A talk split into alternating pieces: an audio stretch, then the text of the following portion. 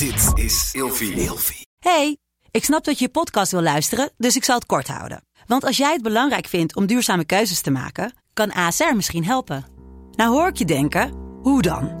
Nou, bijvoorbeeld bij het duurzaam herstellen van schade. Of de premies die we beleggen volgens ons duurzaam beleggingsbeleid. Dat bepaalt waar we wel en juist niet in investeren. Wil je meer weten over welke duurzame keuzes ASR maakt? Ga dan naar asr.nl slash duurzame keuzes. ASR doet het. Zo, dan kan je nu lekker naar je podcast luisteren. En welke signalen was hij nou alert op als hij bijvoorbeeld met terroristen of met spionnen moest gaan spreken? Ehm, en wat werkt nou wel en wat werkt nou niet? Dus daar hadden we echt urenlang gesprekken over. En daar konden we dan ook wel grapjes over maken. Over ja, ehm, het feit dat je voeten naar de deur staan, bijvoorbeeld, omdat je uit de situatie wil ontsnappen, hoeft nog niet te betekenen dat iemand aan het liegen is of dat hij de situatie wil ontwijken.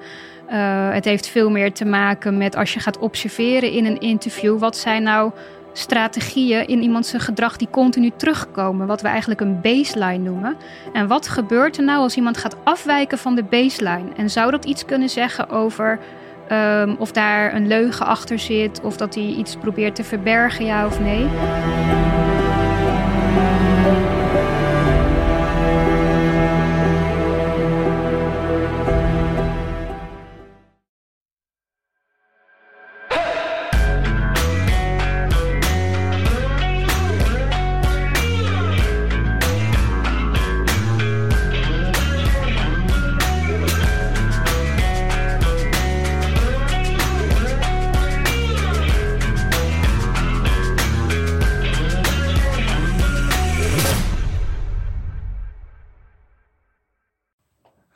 Welkom bij een nieuwe aflevering van Scherpschutters. Tegenover mij zit Anne Gijzer. Welkom, Ja. tof dat je er bent. Dank je. Eh Anne, jij bent provider, eh, gespecialiseerd ook in het non-verbale aspect daarvan. Daar gaan we zo meteen alles over horen. Ik vind het heel interessant om met jou in het gesprek te gaan, omdat jij ook bij de AIVD hebt gewerkt, naast dat je werk hebt gedaan bij de reclassering en allerlei interessante banen hebt gedaan en dingen hebt meegemaakt waar we allemaal eh, zo meteen eh, op in gaan duiken. Maar met name die kant van de, van de IVD en hoe je kijkt naar persoonlijkheden en het profiling, dat heb ik nog nooit eh, hier aan tafel besproken. Dus ik ben heel erg benieuwd naar wat je allemaal te vertellen hebt. En kijk heel erg uit naar het gesprek. Dus laten we daarin gaan duiken. Ja, zeker. Leuk om er te zijn. Ja, ja wat. ehm, nou ja, heb je de podcast wel eens gezien? Ja, zeker. Ja, toen je me vroeg ben ik natuurlijk ook wel wat vaker gaan kijken. Ehm, en het is gewoon leuk om te zien dat je nou, het werk van eh, nou, wat jij gedaan hebt en eh, wat ik gedaan heb, dat dat toch best wel wat overeenkomsten heeft. En dat zie je dan wel weer terug in eh, de podcast. Dus dat is ook wel leuk. Eh, ook herinneringen die dan bij mij weer naar boven komen over het werk. Dus eh, ja. zeker. Ja, want jij hebt volgens mij ook wel met de jongens van Mars of van KST en dergelijke eh, gewerkt ook al. Ja, trainingen gedaan. Maar daar komen we later al. Ja, ja, zeker. Ja. Ja. Hey, eh, maar jij weet dan misschien ook wel een beetje wat mijn eerste vraag is. Of niet? ja, wie ben ik, hè? Ja. Geloof ik. Ja. Inmiddels, inmiddels weten alle gasten al een Ja. beetje van, oh, dat is de eerste vraag die komt. En eh, is misschien toch iets waar je dan over na gaat denken. Maar eh, ik stel die vraag altijd omdat ik heel erg benieuwd ben uit welk nestje komt en waar je een beetje vandaan komt. Dus misschien zou je de kijker eens mee willen nemen in eh, wie jij eigenlijk bent. Ja, nou, Anne Gijzer dus. Eh, en ik maak inderdaad altijd het grapje met een G en niet met een, met een keizer, want dan wordt het weer zo Duits. Ehm, eh, ik kom uit Dordrecht. Ik ben eh, dus Dordtse. Ze noemen dat ook wel schapenkop hè, eh, van, van oorsprong. Ehm, ik kom uit een vrij dynamisch gezin, om het even heel genuanceerd te noemen. Met vader, moeder en ik had ook een jonge broertje. Ehm, en ik heb zo'n beetje tot mijn, nou zeg, ehm, nou, 26e ongeveer in Dordrecht geleefd. Ehm, wat heel bijzonder was, ehm, was mijn achtergrond met mijn ouders, omdat ik een zogenaamd kopkind ben. En dat is eigenlijk eh, een kind met ouders met psychische problematiek. Eh, ja, dus ik heb daar heel veel in meegemaakt, omdat mijn moeder aan de ene kant eh, last had, gediagnosticeerd was met borderline persoonlijkheidsstoornis en ook psychoses had. Eh, en als je hulpverleners eh, hoort over eh, gezinssystemen, dan kan je er ook iets bij voorstellen dat ook nou ja, mijn vader best wel wat problemen had mentaal, maar die is eigenlijk nooit gediagnosticeerd. Ehm, ja, en mijn broertje, die, ja, die heeft ook best wel veel meegemaakt op jonge leeftijd, omdat hij in een gezin kwam die al niet stabiel was. Ik was wat ouder, zes jaar ouder. Dus er zat ook nog wel eens een leeftijdsverschil tussen. Uh, maar dat is eigenlijk mijn achtergrond. ja, dus ja, dat is nogal wat om even met de deur in huis ja, te vallen zeker. wat dat betreft. hoe, hoe heb jij, als je daarnaar kijkt, naar die achtergrond, en je kijkt nu naar hetgene wat jij doet, kan je eens wat concreter maken wat voor invloed dat heeft gehad en wat het nu nog steeds misschien wel heeft op jouw leven en wat, er, wat je daar meemaakte, wat nou, jou toch beïnvloed heeft? Ja, ik denk dat het eigenlijk alles heeft uitgemaakt in uh, mijn leven over hoe ik nu naar het leven kijk, hoe ik in het leven sta. Um, voor mij was het vooral um, belangrijk om te beseffen dat ik eigenlijk um, weinig hechting heb meegemaakt. Ik denk dat dat mij zeker beïnvloed heeft. Het heeft heel lang geduurd voordat ik mensen kon vertrouwen. Ja, altijd op mijn hoede moeten zijn. We hebben het straks over non-verbaal gedrag. Ik denk dat ik dat heel erg van huis uit heb moeten leren om in te schatten: kan ik wel of niet een kamer binnenkomen uh, en situaties vermijden, ja of nee.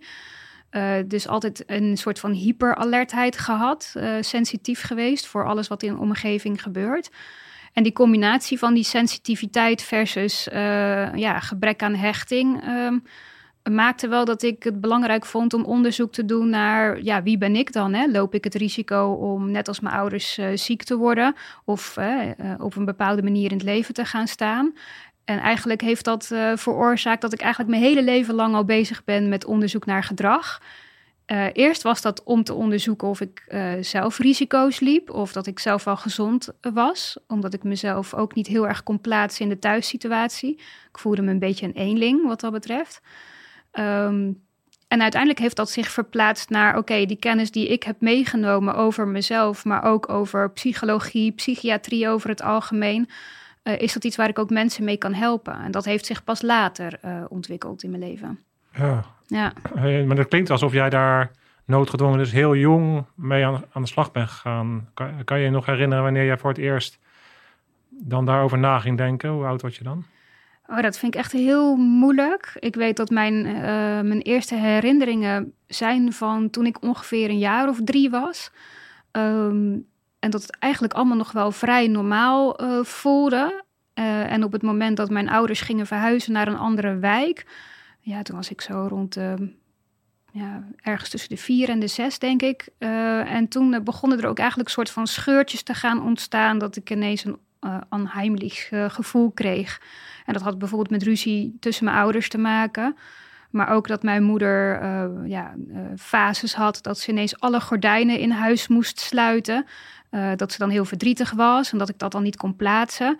En toen had ik wel zoiets van: hé, hey, er gebeurt hier iets uh, wat ik gek vind. Want de zon schijnt buiten, dan wil je toch juist alle gordijnen open hebben. En toen begon ik wel uh, te beseffen van er, gaat iets anders dan anders.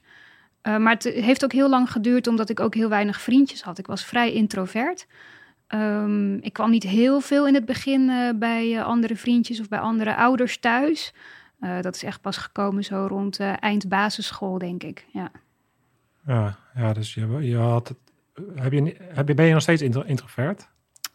Um, nee, uh, maar ik denk wel dat iedereen in een soort van spectrum tussen introvert en extravert um, zit. En ik denk dat ik een enorm breed spectrum heb. Dus dat er situaties zijn dat ik weet dat ik af en toe een stapje achteruit moet doen.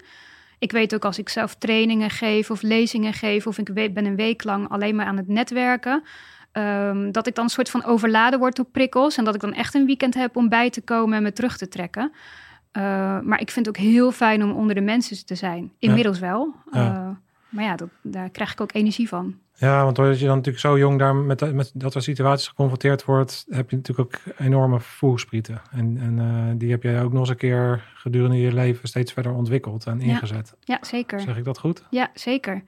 Um, als je nog jong bent, um, dan, als je vrij jong bent als kind, dan kan je je ook voorstellen dat je nog vrij magisch kan denken.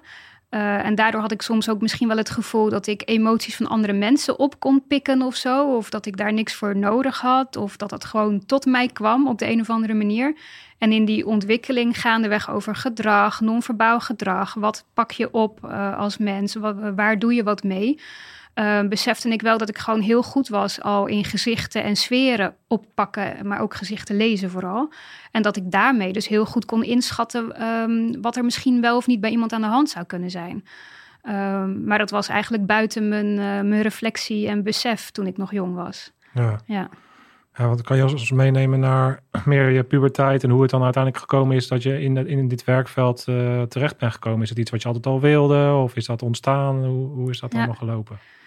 Uh, ik weet dat mijn ouders gingen scheiden toen ik een jaar of uh, twaalf was. Dus dan zit je echt precies in je puberteit. Mijn broertje was toen zes jaar oud. Oh. Uh, mijn vader ging weg en mijn moeder zat nog tijdelijk in het huis waar mijn ouders samen hadden geleefd. daar bleef ik ook. Um, en later, zo rond mijn veertiende, zijn we naar ja, een soort van achterstandswijk verhuisd. Omdat mijn moeder in de bijstand zat en natuurlijk ook niet zo heel goed voor zichzelf en voor ons kon zorgen. Um, en daar leerde ik sowieso al heel zelfstandig zijn. Um, ik heb eerst nog een poging gedaan om iets in de horeca te gaan doen, omdat ook wel gezegd werd. Uh, ja, je moet je afvragen uh, wat voor niveau jij kan hebben. Dus ik ben heel laag begonnen ook uh, in mijn opleiding, voorbereidend beroepsonderwijs, VBO, daarna MBO. Later is dat wel opgestapeld naar HBO en meer. Um, maar ik dacht, ja, als ik niet zoveel mogelijkheden heb, dan vind ik de horeca nog wel het leukste. Dus daar heb ik een poging toe gewaagd. En uh, toen ik zo 15, 16 was, dan zit je op in het laatste jaar van uh, de middelbare school. En ga je zoeken, of uh, van ja, middelbare school. En dan ga je zoeken, wat wil ik daarna? Um, en toen heb ik nog echt wel even gewerkt in de horeca. En ik besefte toen, ik ben veel meer bezig met de persoon die daar zit te eten. Met oké, waar komt die vandaan en hoe zit dat dan? En leuke gesprekken voeren, ook met vaste klanten.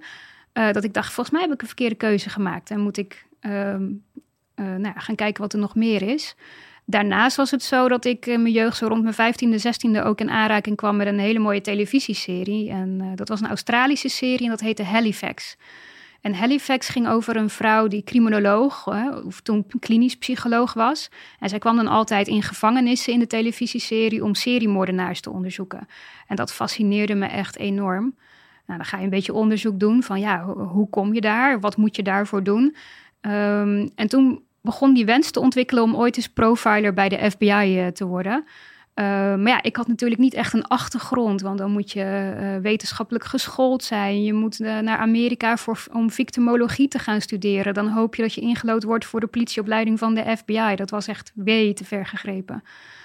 Dus ja, toen ben ik gaan kijken hoe kan ik nou zo dicht mogelijk um, bij het idee komen dat ik bezig ga zijn met uh, deviant gedrag, crimineel gedrag, het begrijpen van gedrag. En toen ben ik in aanraking gekomen met iemand die ooit in de gevangenis werkte.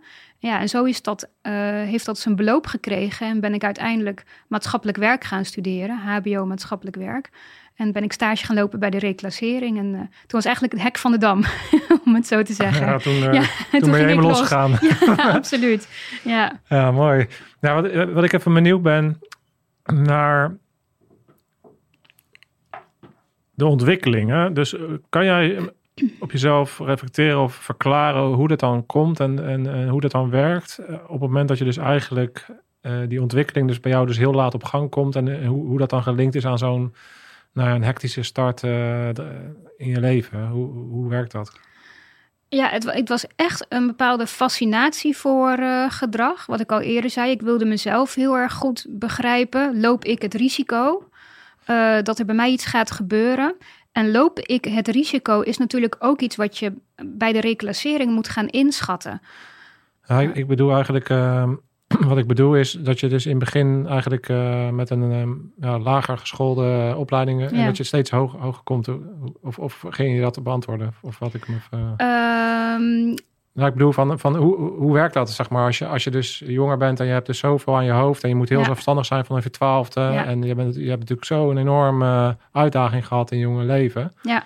Um, hoe werkt dat dan in, in je ontwikkeling en, en, en op school? Hè? Hoe, hoe, heeft dan niemand gezien dat je eigenlijk uh, dat ik er meer in enorme had potentie had? En, ja. Uh, hoe, ja, nou dat was voor mij ook heel erg lastig. Uh, want ik weet nog dat ik op een MBO-opleiding zat. En ik, ik, was dus net omgeschoold van horeca naar basis pedagogisch werken. Ehm, en dan ga je ook stage lopen. En ik weet nog dat ook op de MBO al werd gezegd van joh, je, je bent bezig met stukken schrijven. Dan kreeg je een opdracht en dan moest je die uitvoeren. En ze vonden altijd al dat het niet in lijn was met wat ze toen konden verwachten van mensen die op een MBO-opleiding uh, zaten. Er werd zelfs eens tegen me gezegd: Anne, heb je dat wel zelf gemaakt? Want dit is niet van het niveau wat je zou verwachten op een MBO-opleiding. Um, en dat was voor mij heel erg pijnlijk, want ik ben altijd iemand geweest die heel hard uh, wilde werken om ergens te komen. En ik heb ook echt heel veel perfectionisme in mezelf zitten. Daar kwam ik later natuurlijk ook achter. Uh, en het feit dat dan iemand tegen je zegt: Heb je dit wel zelf gemaakt? Dat voelde echt ja, als een breuk op mijn ego. Um, maar dat betekende niet dat ik door wilde zetten. Want toen kwam bij mij wel het besef van... oh, er zit dus eigenlijk misschien wel meer. Misschien moet ik gaan kijken wat ik dan nog meer kan. En toen ben ik, heb ik eigenlijk de keuze gemaakt om ongeacht wat uh, mensen, docenten op een mbo-opleiding uh, zeiden... Um, om gewoon mijn eigen route te volgen. Dus hadden me bijvoorbeeld voor een stage op een kinderdagverblijf geplaatst. En ik dacht, ik ga echt niet op een kinderdagverblijf uh, stage lopen. Ik wil gewoon uh, de complexe zaken. Dus ik ga zoeken naar een psychische inrichting of psychiatrische inrichting. En ik kwam op een gesloten afdeling terecht voor mensen die last hadden van onder andere dementie. Uh, maar ook een allochtone afkomst hadden en ook nog eens psychiatrische problematiek. Nou, dat, ik zocht dus elke keer um, ja, situaties out of my comfort zone, om het zo te zeggen. En dan kwam ik terug op de opleiding en hadden zoiets van, oh ja, je hebt toch wel echt een goed stuk geschreven. Dus ik heb eigenlijk, ben ik altijd dwars geweest van wat mensen van me vonden, wat mensen tegen me zeiden. En ik denk dat dat me heel erg gepusht heeft om een andere ontwikkeling uh, door ja. te maken. Ja, ja. ja maar kijk, mijn vraag was ook een beetje dat ik dan ook wel eens mensen heb gehad aan tafel en die dan toch ergens op, op gedurende die rit ergens een bepaald persoon tegenkomen die dan heel erg belangrijk is. En ik, zoals ik, als ik jou nu zo hoor, is het, je hebt het allemaal zo heel erg zelf moeten doen. Ja. Heb jij in die eerste fase van je leven tot je twintigste, uh, is er iemand geweest die jou op een gegeven moment, die heel belangrijk voor jou geweest is en die een positieve invloed op jouw leven heeft gehad? Mhm. En hoe, hoe, hoe uitzicht dat? Uh, ik weet nog wel dat mijn ouders een huisvriend hadden. Um, uh, René, mijn vader, die werkte samen met René. Um, en ik weet als er heel veel ruzie was of als er een groot conflict was, dat uh, deze huisvriend uh, mij dan meenam naar zijn eigen huis. om eventjes te ontlasten, zeg maar. Dus dan konden mijn ouders even met, met z'n tweeën aan de slag. En dan gingen mijn broertje en ik, of ik alleen, ging naar René. Um, en wat ik ook weet, deze man was ook echt heel erg slim. En die had een enorme boekenkast uh, vol met encyclopedieën, uh, ja, maatschappelijke boeken, ontwikkelingsboeken, noem het allemaal maar op. En ik zie mezelf nog wel echt zitten als een klein meisje um, in de lotushouding, door een boek bladerend. En dat ik ineens ja, een soort van open ging in een nieuwe maatschappelijke blik die ik nog nooit had meegemaakt. Um, dus ik zat daar vrij vaak ook, want het gaf heel veel rust. Hè? Even uit het conflict, even niet bezig zijn met opletten, oppassen. Um, en ik denk dat hij wel mijn eerste rolmodel is geweest van ja, zo kan het leven er ook uitzien. Um, die ben ik helaas wel uit het oog verloren toen ik een jaar of 16, 17 was. ja, want toen was ik volledig zelfstandig, heb ik meer afstand genomen van mijn eigen ouders. Uh, en dus ook van hem. Uh, dus dat heb ik eigenlijk altijd wel jammer gevonden. Um, toen kwam er weer een fase dat ik ja, het gevoel dat ik best wel veel alleen uh, moest doen. En pas na de middelbare school, als je begint met werken, kwam ik dan weer nieuwe rolmodellen tegen. Collega's bij de reclassering bijvoorbeeld. Uh, later bij de AIVD kom je natuurlijk ook in een hele andere omgeving terecht. Um, en ik ben ook altijd wel op zoek geweest naar mensen waarvan ik het gevoel had waar ik heel veel van kon leren. Dus mensen die ja, zogezegd beter waren dan ik in hun vakgebied. Dus uh, ja, mijn ex-collega Herman Ilge van het Instituut voor Non-Verbale Strategieanalyse. Hij heeft me bijvoorbeeld geleerd om uh, ja, wetenschappelijke literatuur en research heel erg te gaan waarderen. Maar ook hoe ik dat moest lezen om dingen te, beter te begrijpen. Um, ja, en zo heb ik wel meer mensen uiteindelijk om me heen verzameld, als het ware. Ja, ja ik kan me voorstellen dat jij natuurlijk vanuit een uh, ja, niet de rolmodellen die je natuurlijk het liefst hebt uh, in je ouders. Laten we, laten we, ja, je ouders hebben gedaan wat ze in hun power hebben kunnen doen waarschijnlijk. Ja. Um, maar jij bent in die zin waarschijnlijk toch ook steeds op zoek geweest naar andere rolmodellen. Kan ik me heel goed voorstellen in ieder geval. Ja, ja. ja ik denk dat het wel onbewust is gebeurd, vooral in het begin. Um, en ik heb ook wel een zekere kwetsbaarheid moeten tonen, denk ik. Dat je in een fase komt dat je moet beseffen dat je het helemaal niet alleen kan. Uh, en dat het gewoon goed is om mensen om je heen te hebben. Maar ja, zoals ik eerder al vertelde, ik moest dus ook echt heel erg uh, leren om te gaan hechten aan mensen. En ook om mensen te gaan vertrouwen. Ehm, dus ik heb daar ook wel eens fouten in gemaakt. Dat ik denk van ja, die had ik misschien niet zo moeten vertrouwen. Of ja, die hebben gebruik gemaakt van het feit dat ik mijn horizon probeerde te verbreden. Als we het hebben over vertrouwen en hechten. En dat je dan achteraf toch teleurgesteld raakt ja, dus het is ook wel echt wel uh, experimenteren geweest op dat gebied. Ja. Ja. Dat kan me voorstellen. Ja. Hey, en uh, nou ja, jij hebt natuurlijk uh, op een gegeven moment voor jezelf een uh, zaadje geplant van daar wil ik naartoe. Iets moois gezien en die stip aan de horizon gezet. En hoe, hoe heb je dat aangepakt? Hoe, hoe heb je daarnaar gekeken en waar ben je mee aan de slag gegaan? Um, ja, ik denk dat ergens in mijn achterhoofd altijd het idee van profiler wel in mijn hoofd heeft gezeten. Um, ik weet nog dat toen ik bij de reclassering begon met werken, dan begin je vrij simpel uh, met ja, vrij simpele werkzaamheden. Je moet iemand op een werktaakstraf zetten of een werkstraf. Um, dat is eigenlijk helemaal niet zo complex werk, want iemand die heeft een straf die die uit moest zitten en een deel daarvan moet hij dan een werkstraf uitvoeren. En dan zocht ik gewoon een plekje voor hem afhankelijk van de omstandigheden. En dat heeft zich een beetje doorontwikkeld naar steeds complexere zaken uitvoeren, ook voor de rechtbank um, rapporteren over verdachten.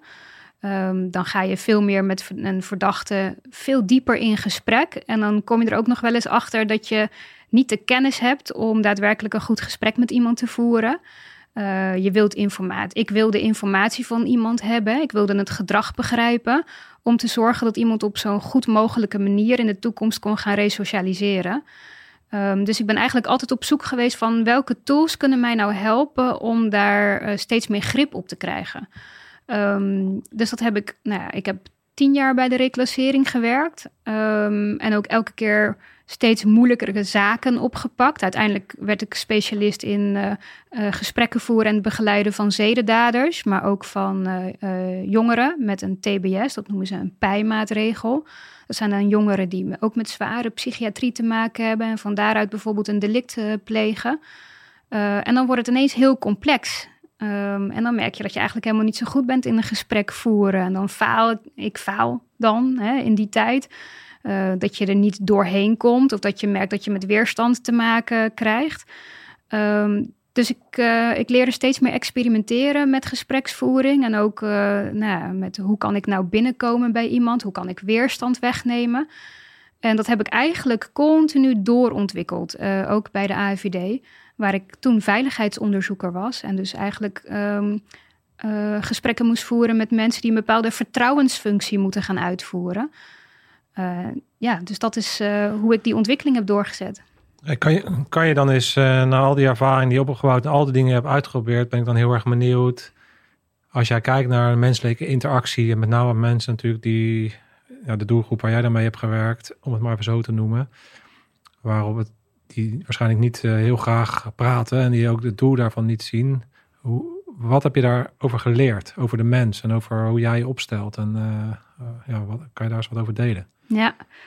Ja, als je op een opleiding uh, tot maatschappelijk werken zit, dan krijg je uh, best wel wat boeken te lezen. Uh, logisch. Je moet weten hoe je een gesprek moet voeren, hoe je iemand moet gaan begeleiden. En dan waren er methodieken, zoals wat we noemen psychologische gespreksvoering of motiverende gespreksvoering. Um, en ik merkte wel, ik kan wel heel veel theorieën leren, maar nog steeds mis ik iets. Um, en dat had, uiteindelijk kwam ik erachter dat het te maken had met verbinding maken. Um, met um, daadwerkelijk andere mensen willen begrijpen en je oordeel eigenlijk uitstellen. Je kan wel denken bijvoorbeeld van, ja, wat een klootzak of wat een viezerik wat hij heeft gedaan.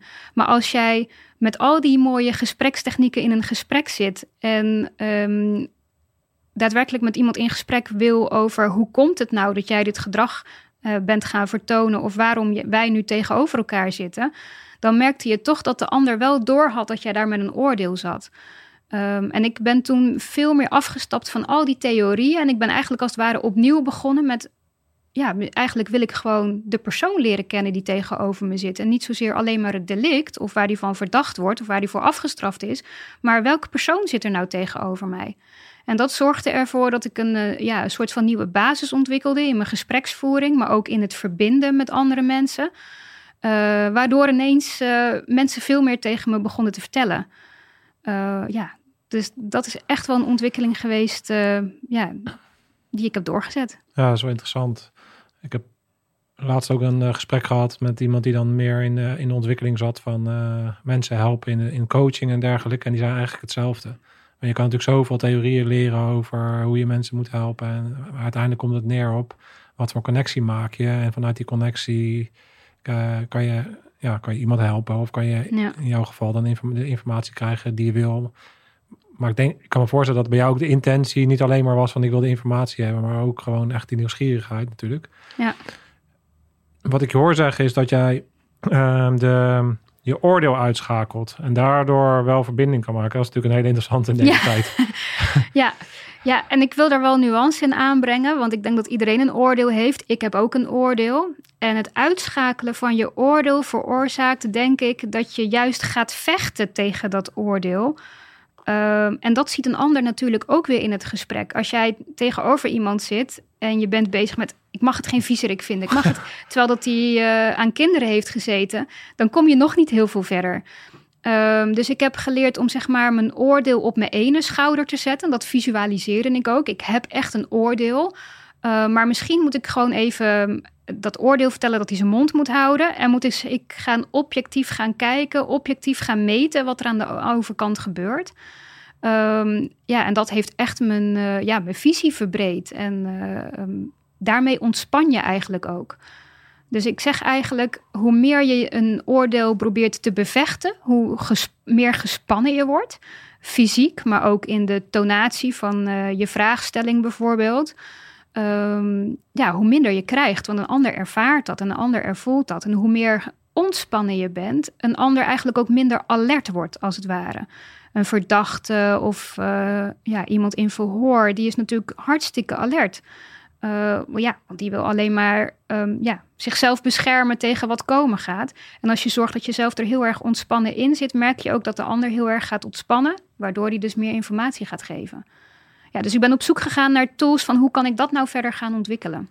Ja, ja want ik kan me voorstellen dat de hele setting, uh, want ja, je hoort natuurlijk wel eens dat we van good cop, bad cop en allerlei technieken en zo. En kan, kan jij eens gewoon jou eh, voor de revue laten passeren van wat je ziet? Want ik, ik zit dan ook te denken van ja, zo'n zo'n uh, verhoorkamer. Dat is natuurlijk zo'n kaal hok. En uh, totaal, ja. als je daar zit, dan ben je al meteen op je hoede. Ja. dus dat helpt natuurlijk totaal niet in degene wat jij wil bereiken. Hoe, hoe, ja, hoe jij daarnaar kijkt en wat je dan inzet. En ook, misschien heb je wel eens een, concreet voorbeeld van dat je zag van ja, toen zat het heel erg in de weerstand en toen deed ik, pakte ik het anders aan of en, en ja. kon ik toch uh, dingen bereiken. Ja. Um, nou, laten we beginnen bij die good cop, bad cop. Want dat is ook iets wat je natuurlijk ook in televisieseries bijvoorbeeld ziet. Uh, zelf moet ik ook wel eens, uh, word ik gevraagd door bijvoorbeeld familie van een verdachte of een verdachte zelf om eens uh, te gaan evalueren hoe een verhoor is gegaan en of dat nou de juiste manier is geweest om een verdachte te benaderen. Eh, krijg je daarmee de juiste informatie, is dan eigenlijk de vraag. Um, en ik heb gemerkt dat, nou, wat je ook ziet bij de politie, is dat ze in het verleden veel meer tijd hebben um, gespendeerd aan politiemensen opleiden. Uh, je ziet dat er heel veel budgettering heeft plaatsgevonden, waardoor er steeds uh, sneller van iemand werd verwacht dat hij ook het gesprek aan moest gaan. Um, terwijl dat ik zelf de ervaring heb met 20 jaar gespreksvoering, ja. dat het manuren kost. Het kost tijd om te begrijpen wat wel werkt en wat niet werkt. En wat je ook ziet, is dat de technologie uh, mee gaat spelen. Uh, want mensen willen zo snel mogelijk een quick win oplossing. Hoe kunnen ze zo snel mogelijk achter de informatie van iemand anders komen? Uh, en die combinatie die heeft ervoor gezorgd dat ik ook heel vaak zie dat er bijvoorbeeld twee mensen in een verhoor gaan zitten. De een rapporteert dan op een laptop, dus die is aan het tikken op het moment dat het gesprek gevoerd wordt. En de rechercheur die het gesprek voert met die ander, die is dus eigenlijk ook heel erg bezig met worden de dingen goed opgeschreven en vertelt iemand wel de waarheid, ja of nee. Ja. Uh, en ik heb gemerkt dat dat heel vaak niet werkt. Het werkt soms ook wel, maar het werkt ook niet omdat je dan in een situatie terechtkomt dat je iemand wil laten vertellen wat hij heeft gedaan. En dan wordt er af en toe een pauze ge uh, genomen om te checken of iemand anders het wel goed opgeschreven heeft. Waardoor je eigenlijk een verdachte volledig uit zijn flow haalt.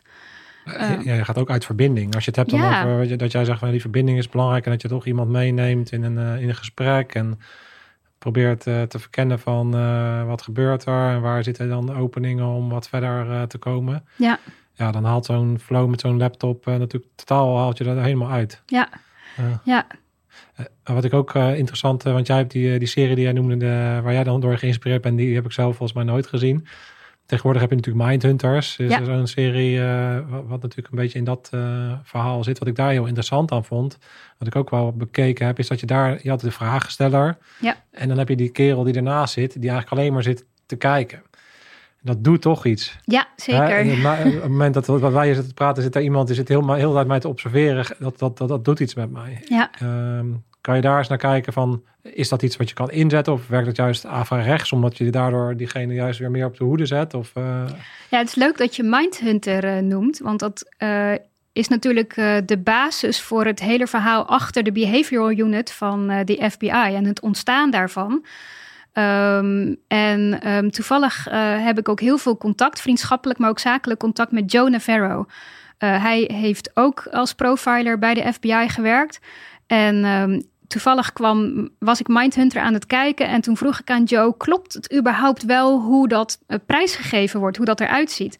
En Joe vertelde me toen, ja, dat het is exact zoals het is gegaan in het verleden, tot aan de metalen desks waar ze aan zaten aan toe. Want door die serie bracht hij zichzelf helemaal weer in, uh, in zijn oude werksituatie. En Joe Navarro is opgeleid door uh, bij wijze van spreken de twee mannen die je dan in die serie ziet. Dus ja, dat is dus de, de historie. En Joy, Joe en ik hebben het dus ook heel vaak over onze gezamenlijke ervaringen. Over ja, welke signalen kan je non-verbaal... Hij is ook non-verbaal expert en investigative interviewer. En welke signalen was hij nou alert op... als hij bijvoorbeeld met terroristen of met spionnen moest gaan spreken... Um, en wat werkt nou wel en wat werkt nou niet? Dus daar hadden we echt urenlang gesprekken over. En daar konden we dan ook wel grapjes over maken. Over ja, um, het feit dat je voeten naar de deur staan, bijvoorbeeld, omdat je uit de situatie wil ontsnappen, hoeft nog niet te betekenen dat iemand aan het liegen is of dat hij de situatie wil ontwijken. Uh, het heeft veel meer te maken met als je gaat observeren in een interview, wat zijn nou strategieën in iemands gedrag die continu terugkomen, wat we eigenlijk een baseline noemen. En wat gebeurt er nou als iemand gaat afwijken van de baseline? En zou dat iets kunnen zeggen over um, of daar een leugen achter zit, of dat hij iets probeert te verbergen, ja of nee? En ik denk dat het daarom ook heel goed kan werken als je met z'n tweeën bent in een gesprek. Want de een kan de gesprekken uh, voeren met de ander. En inderdaad, de ander kan observeren wat er gebeurt. En op het moment dat er iets gebeurt wat buiten die baseline valt, kan zo iemand interveneren om diepgaandere vragen te stellen. Uh, ja. Dus ja, daar heb ik hele gesprekken over gehad met uh, Joe. Uh, ja, ja, dat is wel mooi. dat is wel interessant. Ik, ja. ik, ik, doe nu de podcast ook alleen. Ik heb in het begin heb ik eigenlijk altijd met Jeroen gezeten. En daar hadden we ook een dynamiek. ik denk dat ik vaker aan het woord was. Maar het was wel heel bijzonder dat doordat ik dan in het gesprek zat, Jeroen ineens toch met een of ander uh, ja, vraag kon komen die heel veel impact had dan op dat moment. En dat, ik denk dat dat een beetje een soortzelfde dynamiek is. Omdat je dan toch anders in het gesprek zit. Je kan ja. anders, anders uh, kijken. Hey, jij noemde al iets van een baseline en dat triggerde mij een beetje op dat ik denk van hé, hey, dat is toch ook hoe een leugendetector werkt. En dan ja. denk ik van nou, door de skills die uh, jij en Joe dan hebben, ben je bijna een soort, als, als leek hè, zou ik dan zeggen, ben je een soort uh, le ja. levende leugendetector. Ja. Jij, jij, jij, kan, jij, jij, jij ziet wat, uh, ja, jij leest allerlei dingen af, dus je hebt tools eigenlijk om te observeren. Kan je daar eens, uh, klopt dat? Zijn die een soort leugendetector? Bestaat dat überhaupt en hoe werkt dat dan? Ja. Nou ja, dat is eigenlijk heel makkelijk om te beantwoorden. Nee. Oh, ja. Al die films, die kunnen we dus wel die kunnen we, we, Ja, er is zelfs de discussie of de polygraaf, de leugendetector, uh, niet gewoon van tafel kan worden geveegd. En waar heeft dat nou eigenlijk mee te maken? Die polygraaf, die meet eigenlijk alleen spanning. Dus je wordt uh, met een apparaatje, je wordt eigenlijk met draadjes aan een apparaat gezet. En op het moment dat een interviewer bepaalde vragen stelt, gaat de hartslag bijvoorbeeld omhoog, of je gaat meer zweten, of je ademhaling gaat omhoog. Um, en wat eigenlijk dat apparaat doet, of waar het de interviewer mee helpt, is kijken wanneer gebeurt er nou eigenlijk iets in die situatie. En waar moet ik op gaan focussen? Waar moet ik meer richting aan gaan geven? Dus we zeggen eigenlijk een polygraaf is geen leugendetectieapparaat. Een polygraaf is een spanningsmetingapparaat. En het is aan de investigative interviewer waar die op aanslaat uh, om te kijken of die in de goede richting zit. Um, er is ook een uh, Nederlandse professor, uh, Sophie van der Zee.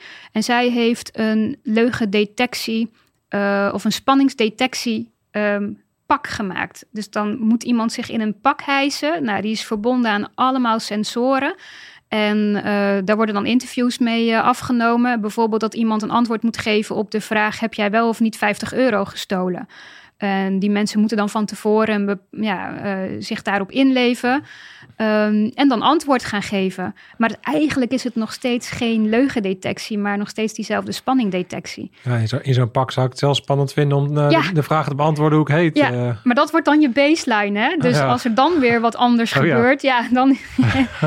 dus ik zeg eigenlijk voor de grap als mensen zeggen dat ze doen aan leugendetectie, dan liegen ze zelf. Oh ja. uh, en dat doe ik dan om mensen te prikkelen, om te kijken wat er dan gebeurt.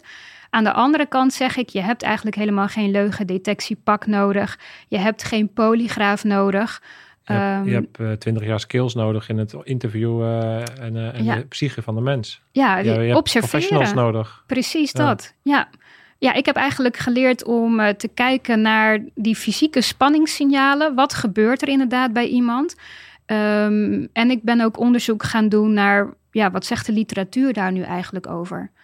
Zo heb je bijvoorbeeld um, literatuur uit de jaren 70, um, onderzoek uh, uitgevoerd door Paul Ekman. En Paul Ekman is zich gaan bezighouden met wat gebeurt nou in een gezicht op het gebied van emoties of het ervaren van emoties.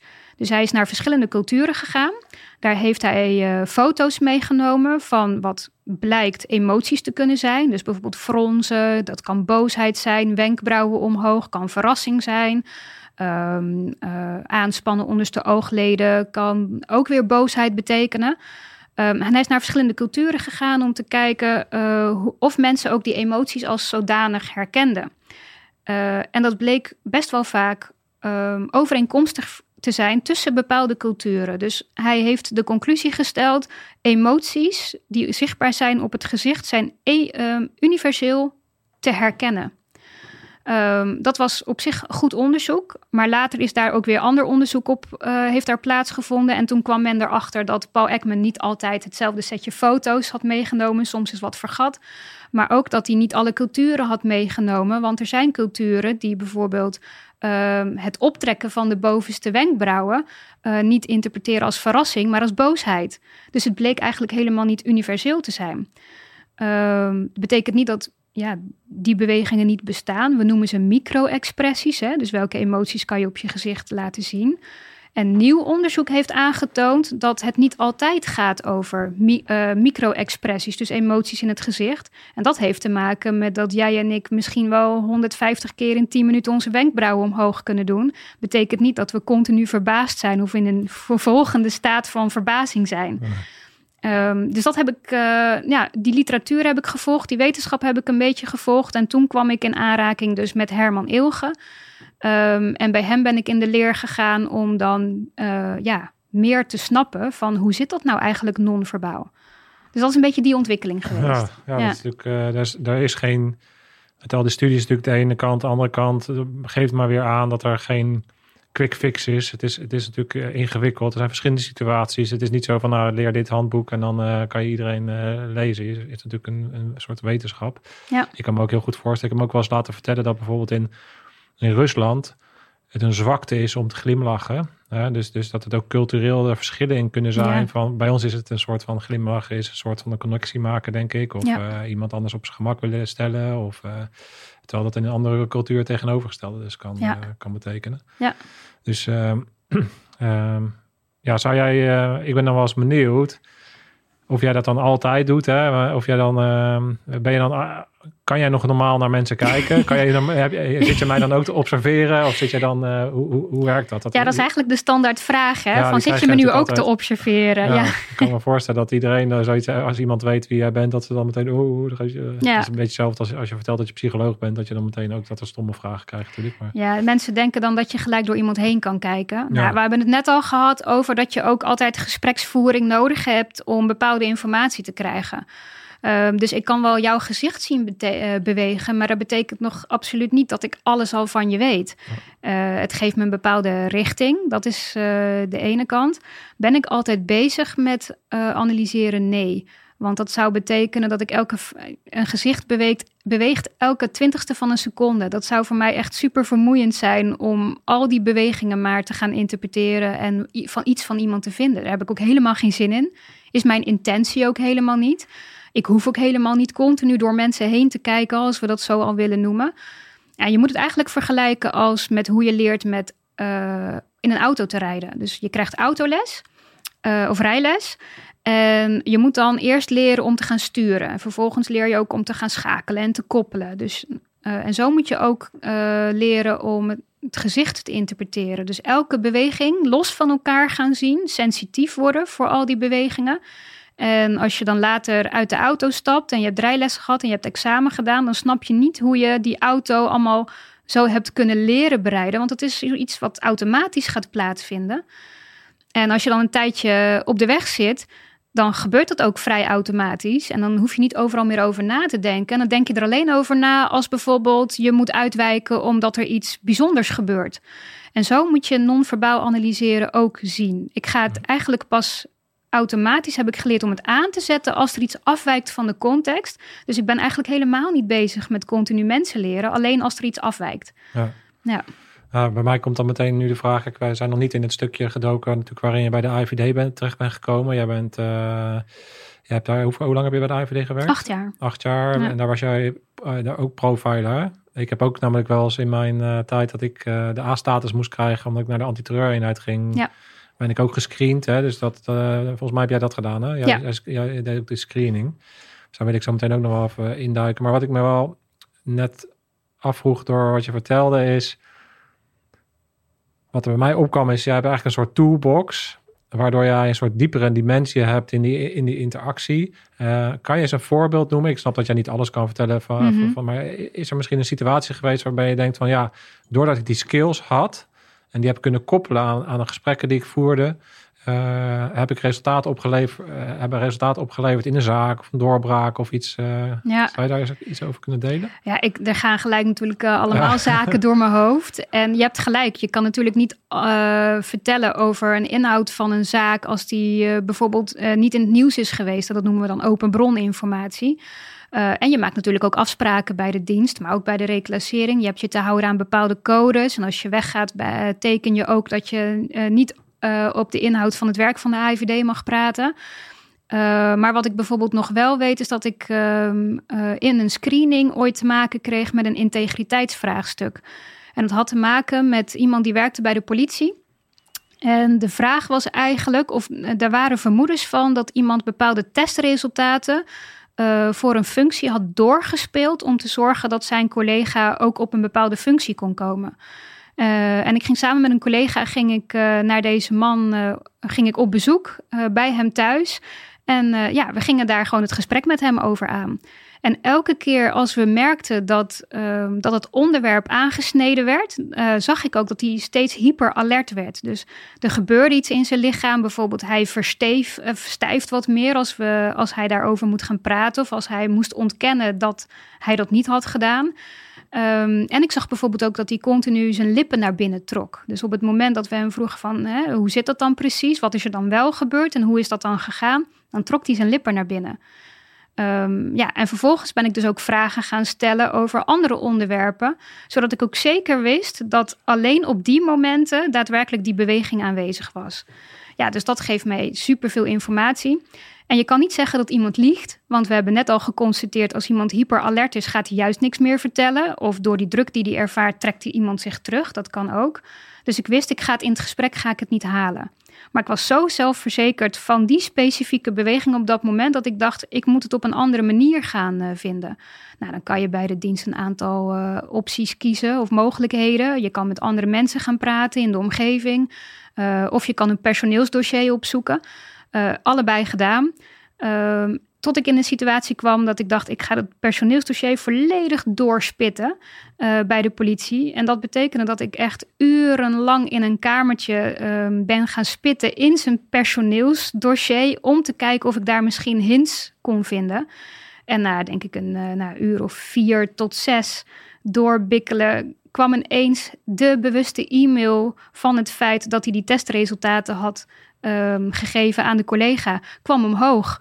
Wat ons eigenlijk de kans gaf om te argumenteren dat er inderdaad integriteitsissues waren. En dat iemand misschien niet uh, op die plek paste die die zou moesten, moeten gaan uh, ja, bezetten. Oh, wow. Ja, dat was wel een mooi moment. Ja, ja. want uh, ik zit ook, wat, ik, wat bij mij ook meteen naar boven komt, is ik zie dan uh, jou als 15-jarig meisje die een serie kijkt. En uh, je zit dan in dat kamertje. Ik zag meteen die beelden van, vanuit een soort mindhunters, weet ja. je wel, die dan aan alles doorzitten. Op dat moment ben jij eigenlijk die provider geworden met alle skills en alle dingen die je hebt gedaan om, om daar te komen. Dat is natuurlijk geweldig. wat ik daar ook mee wil geven aan uh, de mensen die kijken, en dat hebben we al zo vaak genoemd, is dat op het moment dat je dus zo'n droom hebt, of je nou een statie wil, team wil, of je wil profiler worden, of je wil special forces operator worden, is neem de tijd en geef, gun jezelf ook de tijd om, om de meters te maken. Want uh, je weet, je, je, hebt dat gewoon nodig. Je hebt het nodig. Je hebt het nodig gehad om in die reclassering, al die jaren, al die gesprekken, elke keer en te falen en te denken: hoe kan, kan het nou dat ik dan niet, uh, dat ik de resultaten niet krijg? Ja. En, je, en je, je, ding aanpassen. En uiteindelijk kom je in aanraking met mensen en uh, verschillende mentoren in je, in je loopbaan. En ga je op zoek naar de non-verbale kant en doe je daar weer een studie over om uiteindelijk die toolbox compleet te hebben op, om in een dergelijke zaak uh, heel gericht uh, onderzoek te kunnen doen en daar een uh, bijzonder resultaat te kunnen ja. boeken. en, dat, en dat is, ja, ik vind dat altijd mooi om te zien en te horen in, jou, in jouw verhaal ook weer. daarom wil ik dat extra benadrukken, hoe, ja, hoe bijzonder dat proces eigenlijk is. Want ik weet zeker, als ik jou vraag, van heb je het altijd leuk gevonden bij de reclassering? dan is je antwoord waarschijnlijk niet nee. ja. Nee. nee, want het doet ook gewoon verschrikkelijk veel pijn uh, om te falen. Ik kan me bijvoorbeeld, als even terug naar de geschiedenis, nog een situatie herinneren dat ik, tegen, dat ik als meisje van 23 tegenover een vermoedelijke verkrachter zit. Uh, een man van uh, naar ergens in de 55 in een mooi jasje. Uh, een mooie stropdas met een koffertje. En dat ik uh, bijna in staat ben om te zeggen: Foei, meneer, dat mag u niet meer doen. En dat, dat ik die man ook zie bewegen. Ja, maar waar heb je het over, meisje? Ga terug naar school of zo. Nou, dan kan je echt wegzakken in de grond.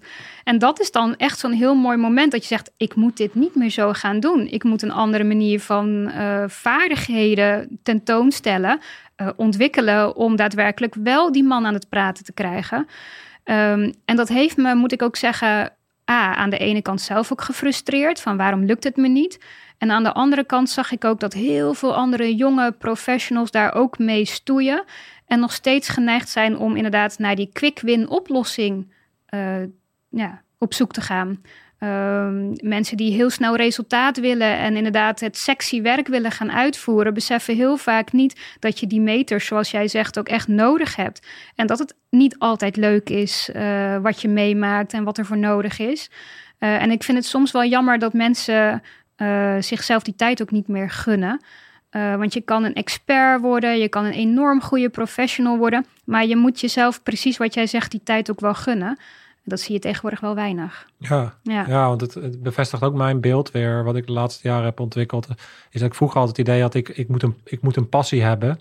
En uh, dan, dan ga je voorwaarts. Maar ik kom er inmiddels achter dat het andersom is. Je, je, je vindt een richting van iets van een, werkveld wat je interessant vindt. Daar ontwikkel je in. En dat gevoel van passie, dat komt pas veel later in je carrière. Op het moment dat je het gevoel hebt van, nou, ik ben ergens goed in. Ik kan impact maken. Ik heb invloed op zaken. En ik kan, ik kan mijn skills inzetten. Ik voel die vakmanschap uh, die, ik, uh, die ik door de jaren heb opgebouwd. Dan komt pas dat echte gevoel van passie. Ja. En ik denk, ik zie heel veel ook op social media en om me heen dat ik, dat ik het gevoel heb dat het, ja, dat is ook logisch dat ik vroeger denk ook van, ja, Ja. ja, ik, ik, ik, heb, ik, ik heb niet de passie en ik ben jaloers op mensen die een soort van, van jongs Ja. af aan een, een passie hebben en dan zangeres worden of, zo- of Ja. zo, weet je wel. Ik denk dat het allemaal wat minder romantisch is. Ik denk dat je gewoon door de modder heen moet en dat je dat, dat gevoel van, eh, en zelfs bij jou, met jouw perfectionisme, zou jij toen je die zaak hebt opgelost niet eens heel erg goed hebben kunnen voelen van, oh ja, dat is echt zo'n moment dat je dan eh, dat allemaal samenkomt. Nee, dat ref- daar reflecteer je natuurlijk ook eh, op terug. ja. Eh, Je zou eigenlijk kunnen zeggen, het is niet de passie die je moet vinden. Zo kijk ik er dan persoonlijk naar. Maar het is, je moet een bepaalde drive vinden. Ik vind ook altijd wat van motivatie. Hè, want motivatie komt en gaat met flows. Het gaat ook over consistency. Ehm, ik zeg tegen jonge mensen of mensen die bij mij willen leren... ehm, vraag ik ze altijd om naar Karate Kid te kijken. Ja, wax En- in, wax out. Wax out.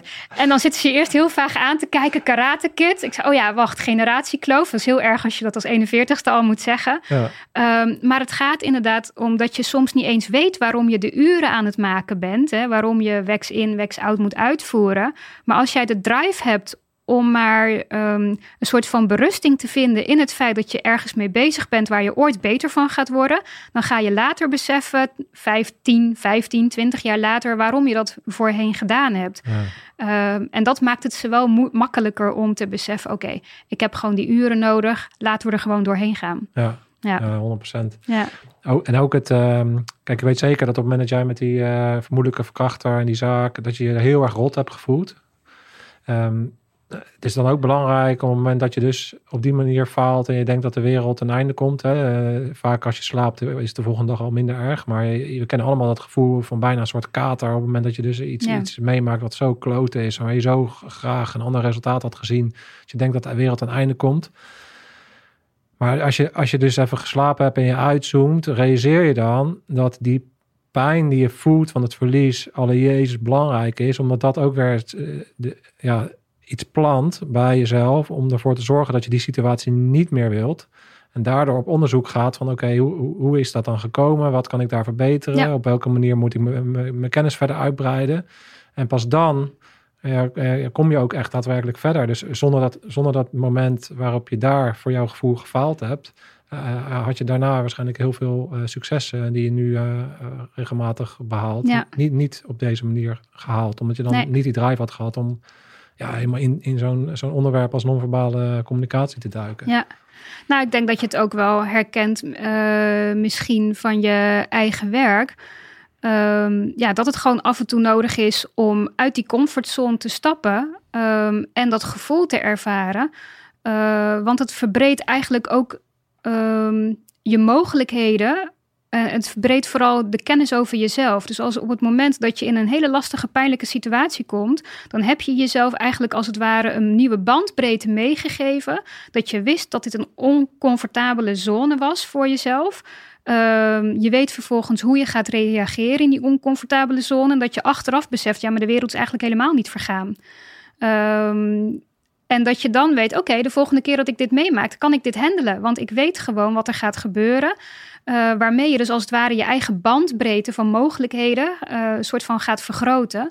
Eh, dus eigenlijk is het ook nodig om die pijnlijke situaties mee te maken, omdat het je gaat helpen professioneler te worden, meer rust te gaan ervaren in moeilijke situaties en overal gewoon een blijer mens te worden, denk ik. Ja, Ja, ja. Ja. ja. dat denk ik ook wel. Ja. Meer, meer gewoon in tune te raken met en een soort, je krijgt veel meer rust natuurlijk in wat je kan en, en, en dan ja, Ja. het straalt overal op uit. Ja. Ik ben heel veel benieuwd naar de periode van, het, eh, van de IVD. Want zoals ik al vertelde, ik, ben ook, ik heb ook wel zo'n screening eh, thuis gehad. En eh, voor de mensen die dat niet kennen, eh, als je op het moment dat je dus een functie gaat doen waarop je in contact komt met bepaalde informatie, dan kan het zo zijn dat je een screening moet doen. Het heeft, zoals ik het toen altijd begrepen heb, is dat het er met name erop gaat is of jij uiteindelijk chantabel bent. Hè? Want op het moment dat je dus de toegang hebt op bepaalde informatie en eh, ja, ze gaan dan hele persoonlijke vragen stellen en dat gaat echt ja, bij mij van wat voor porno kijk je tot en met eh, schulden, heb je schulden. Ja. Eh, Ja. nou je, je referenties worden allemaal uitgecheckt. Hè? Je wordt helemaal binnenste buiten gekeerd. ja, En dat is best wel oncomfortabel. Tegelijkertijd, ja, als je niks. Te, ja, iedereen heeft natuurlijk wel iets te verbergen. en dat is ook heel normaal, denk ik. dus iedereen zal wel iets van spanning ervaren op bepaalde dingen. Ehm, maar, ik ben benieuwd hoe, hoe jij naar dat, naar dat proces kijkt. Hè? Vanaf die andere kant. Van hoe, hoe, vlieg je zoiets aan? En uh, ja, je komt toch bij iemand thuis. En uh, het is wel heel, heel, heel heftig. Of heel heftig, ik overdrijf een klein beetje. maar het is, best, het is best, wel, best wel intiem. Het maakt impact, hè? Dat is het vooral, denk ik. Uh, ja, even los van het feit wat ik vind uh, van de vraag: uh, wat voor porno kijk je? nee, ik heb die vraag letterlijk gehad. ja. ja. Nou, nou, succes. En, en, wat dan echt in je hoofd? Ja. Oké, okay, ze zullen vast wel mijn IP-adres bekeken hebben of zo. Ja, dus ze weten het misschien al wel. Ja. Kijk of je de waarheid vertelt. Nou, volgens mij is dat ook niet het doel van zo'n vraag. En ik moet ook eerlijk zeggen dat ik altijd heb geprobeerd om zo'n vraag te ontwijken. Ehm, en dan komen we eigenlijk toch weer terug op wat maakt iemand alert. Uh, dus op het moment dat je de zeer oncomfortabele vragen gaat stellen, um, heb ik de ervaring dat mensen denken van, oh jeetje, waar komt dit vandaan? Um, en dat je ze eigenlijk in een positie dwingt van druk en alert zijn, omdat er ook een bepaald belang voor de mensen is. Zij willen namelijk een bepaalde vertrouwensfunctie gaan doen, waar ze bijvoorbeeld met staatsheimelijke informatie te maken kunnen krijgen.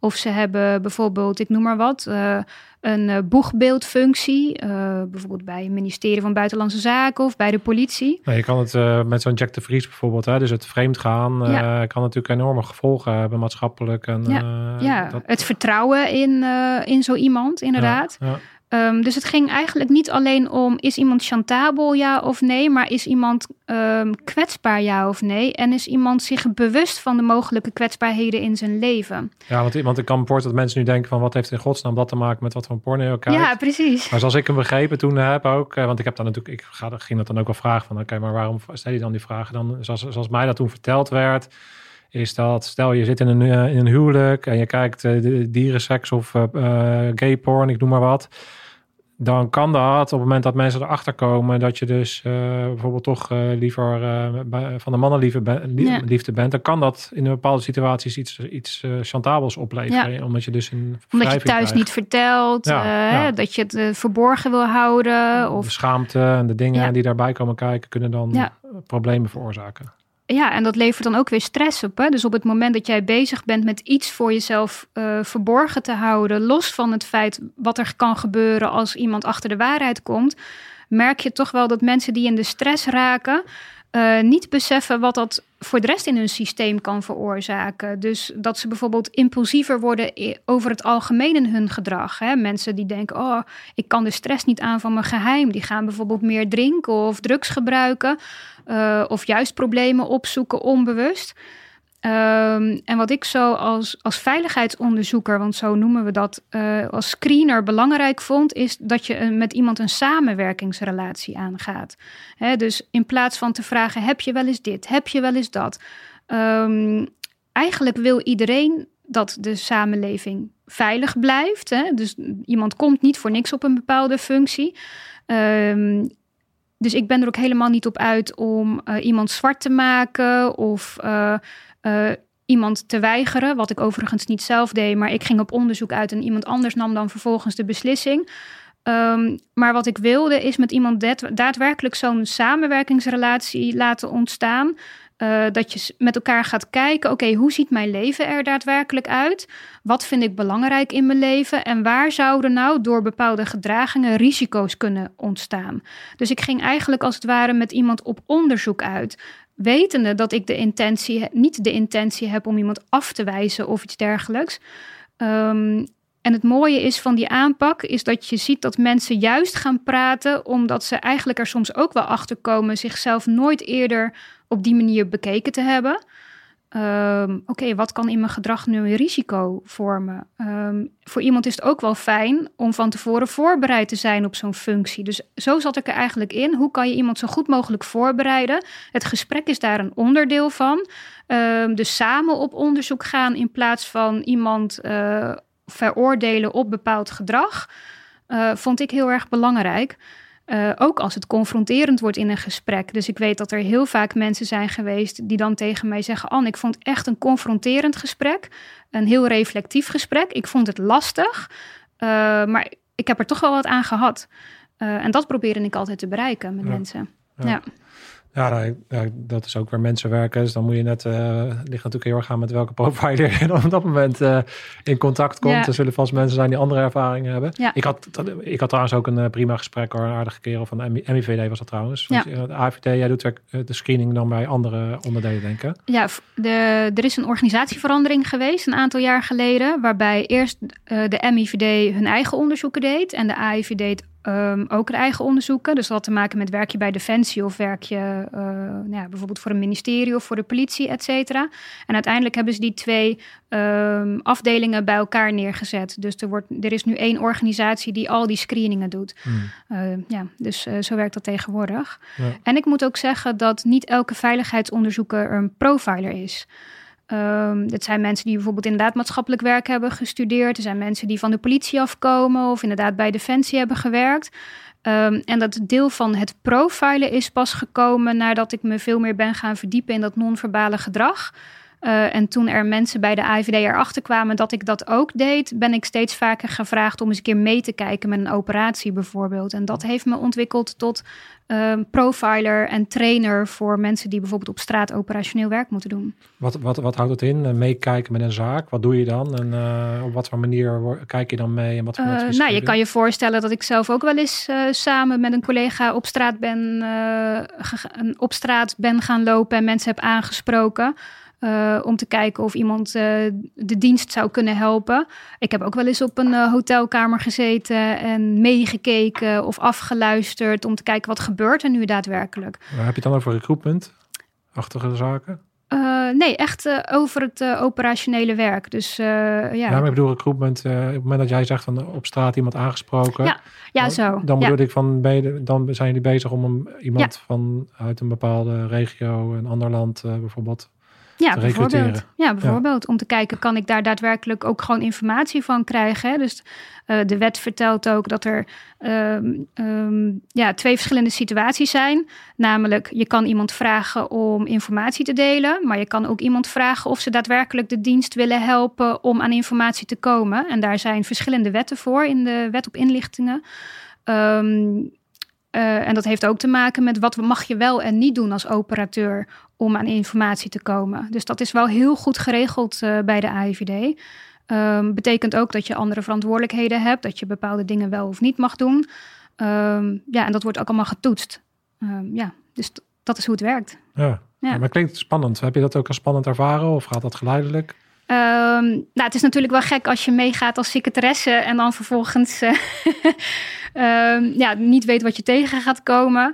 Ehm, maar eigenlijk Maar je ging mee als secretaresse. Ja, ik had dan mijn haar opgestoken en een brilletje opgezet. Van, nou, ik ben de secretaresse van man. Ja, bij wijze van spreken. Ja, ja.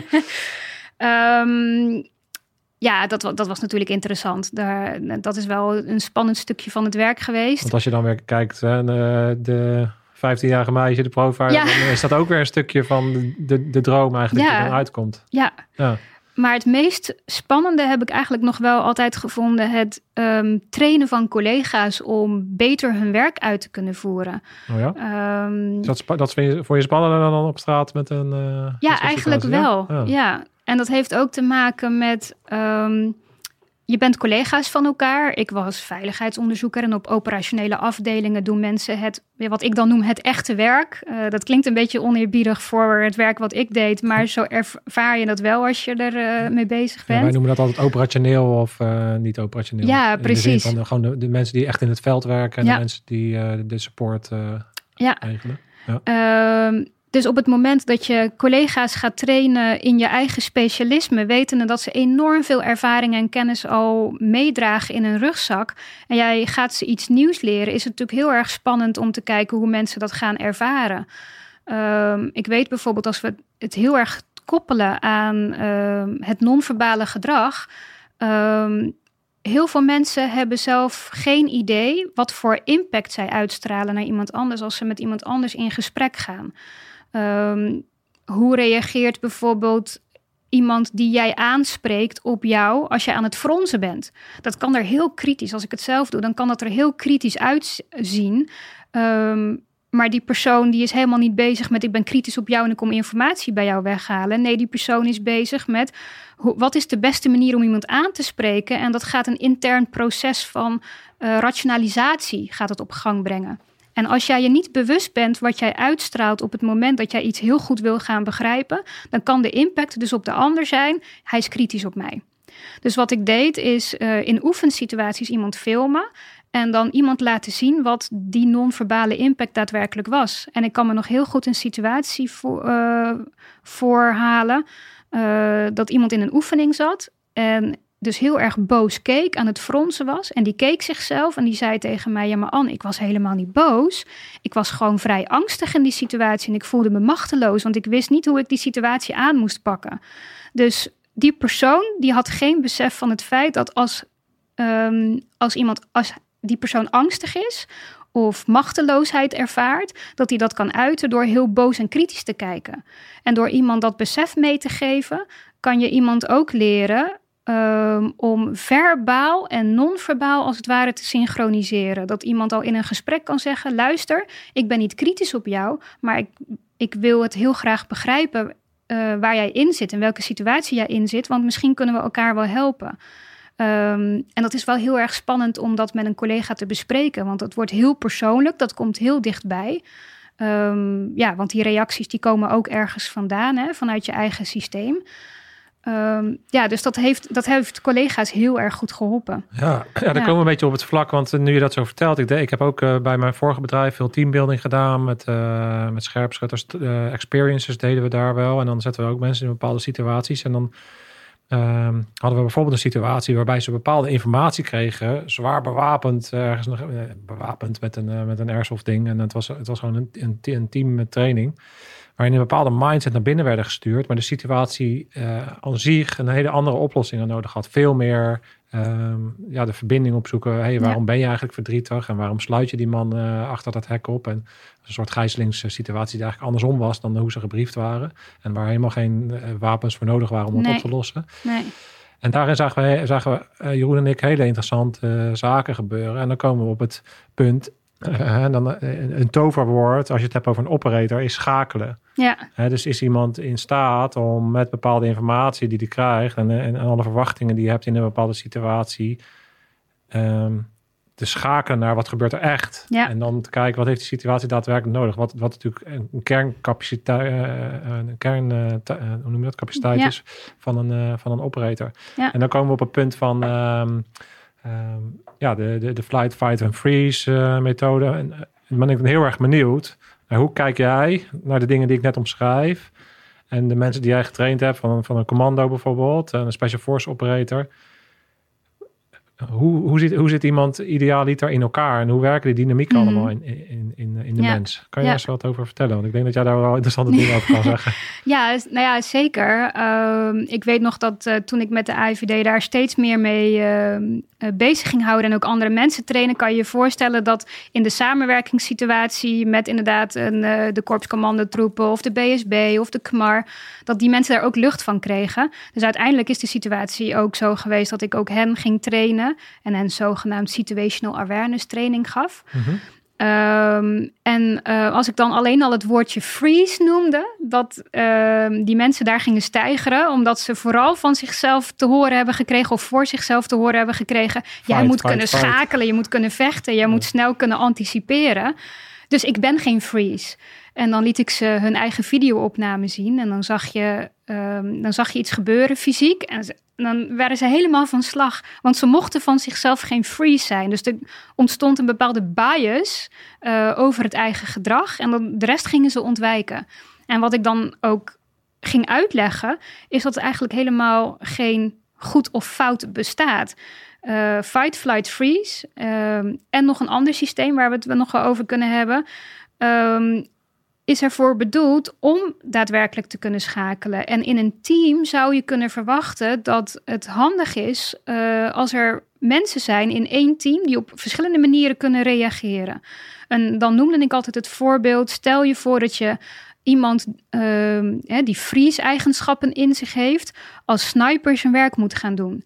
Op het moment dat er bijvoorbeeld, ik noem maar even iets super extreems. Uh, eh, je zit in een oorlogssituatie, je ziet een kind voorbij lopen en je moet in fracties van seconden beslissen of je daar iets mee moet.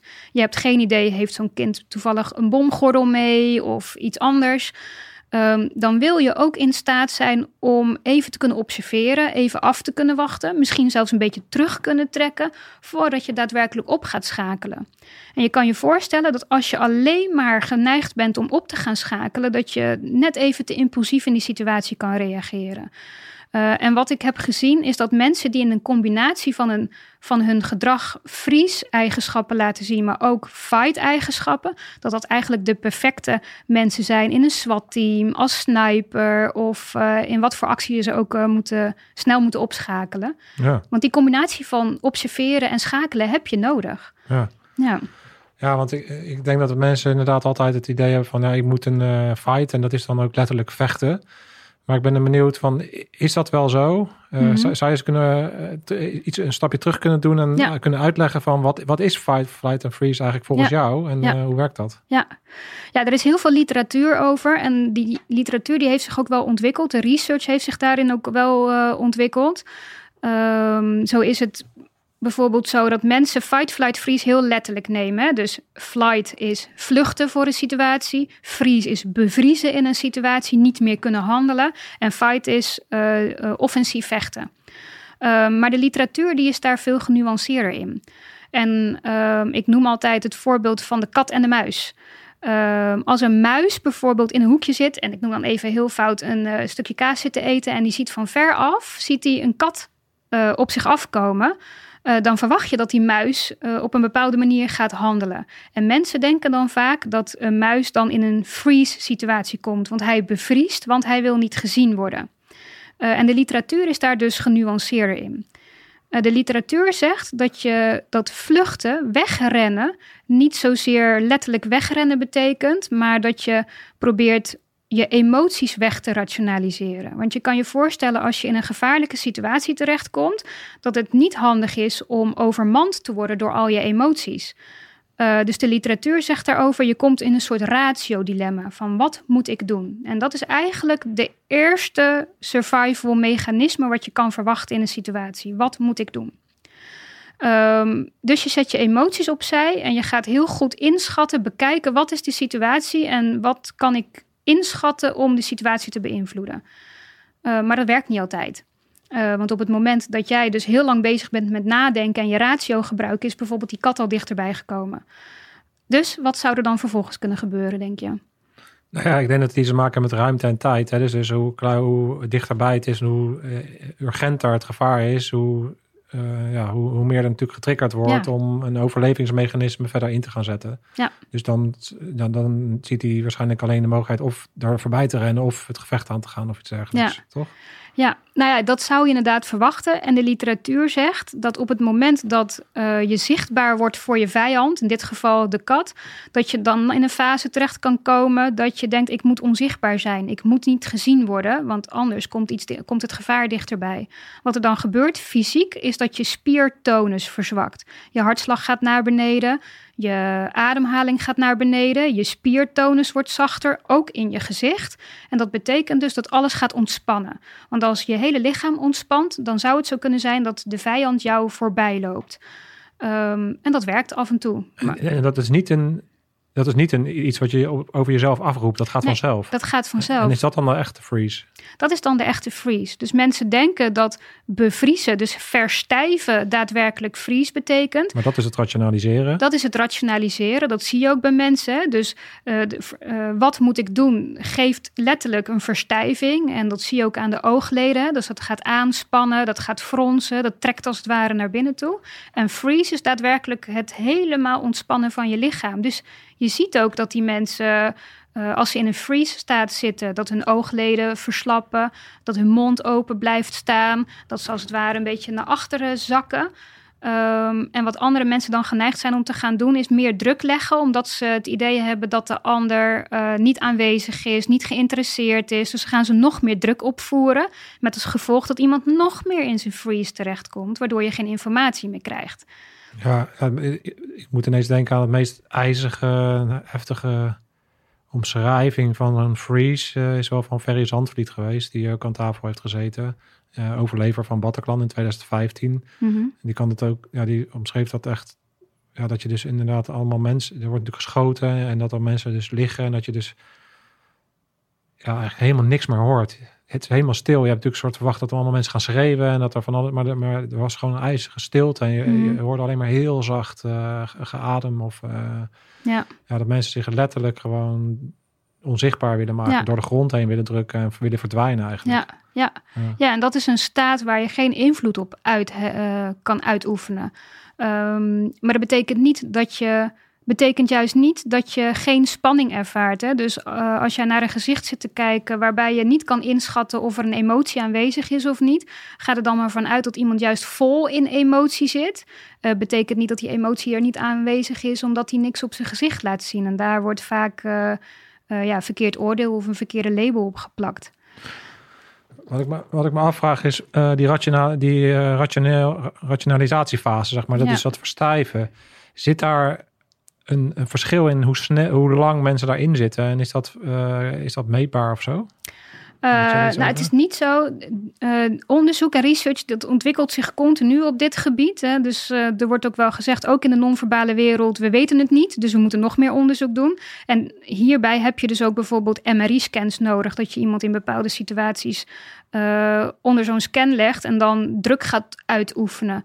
Dus daar is nog niet zo heel veel onderzoek of nog heel veel resultaat in. Eh, de literatuur laat iets zien. En wij hebben, of ik heb samen met mijn eh, voormalige collega Herman ook gekeken naar hoe ziet dat er non-verbaal dan uit. En heeft daar heel veel onderzoek naar gedaan. Eh, doet hij nog steeds met de Universiteit van Amsterdam. Dus we weten ook nog heel veel niet. Maar dit zijn wel de meest redelijke vermoedens over hoe dat werkt als je het naast de literatuur legt. Ehm, en diezelfde misconceptie bijvoorbeeld over hè, wat gebeurt er bij iemand als die in een freeze situatie zit en hoe lang gebeurt dat dan? Die misconceptie is er ook over fight gedrag. Ehm, want je zou verwachten dat fight gaat. Hè, stel je voor, die, die eh, kat die komt nog dichterbij. Eh, die muis die zal ervaren, nu moet ik wel bewegen, want anders ga ik dood. Er rest mij niks anders meer te doen dan bewegen. En als mensen dat doen, dan ziet dat er heel agressief uit. Dan ziet dat er heel dominant uit. Omdat je ervan uitgaat dat het gaat om offensief vechten. Maar eigenlijk gaat dat gedrag om, ik kan niet meer bewegen en ik heb de wil om actief te blijven, te blijven bewegen, om te voorkomen dat ik in een stressvolle situatie terechtkom. Dus het gaat eigenlijk over defensief vechten. Ja. En als je dat in de communicatie begrijpt, dan snap je ook, ja, maar iemand is helemaal niet bewust dominant of agressief aan het zijn. Iemand probeert ruimte te pakken om te zorgen dat hij zichzelf in een veilige situatie kan brengen. Ja, ja, dat is natuurlijk op dat gebied van jou in gesprekken gebeurt, gebeurt die fight-reactie natuurlijk ook. En als ik naar mezelf refereer dat ik in situaties heb gezeten waarin ik dat ervaren heb, dan is het zo dat je fijne motoriek ook niet meer werkt. Dus je kan alleen nog maar grof motorisch. Het voelt ook heel raar. Het voelt ook eh, heel apart eigenlijk. Op het moment dat je dan beweegt, is het net alsof je een soort van in een soort eh, rare slow motion eh, Ja. zit. Ja. Ja. Ja, dat herken ik heel, heel goed. A, van wat jij laat zien in je non-verbale bewegingen. Maar ook als ik inderdaad zie dat de stress bij mensen omhoog gaat, zijn dat precies de signalen waar ik op ga letten. Het kan namelijk zijn dat ik iets niet goed doe in een gesprek. Eh, waarbij dat signaal van de ander mij dus een signaal geeft. Oh, misschien moet ik iets eh, minder druk gaan leggen, bijvoorbeeld. Maar er kan ook daadwerkelijk stress en spanning aanwezig zijn omdat iemand wat probeert te verhullen. Wat bedoel je daarmee?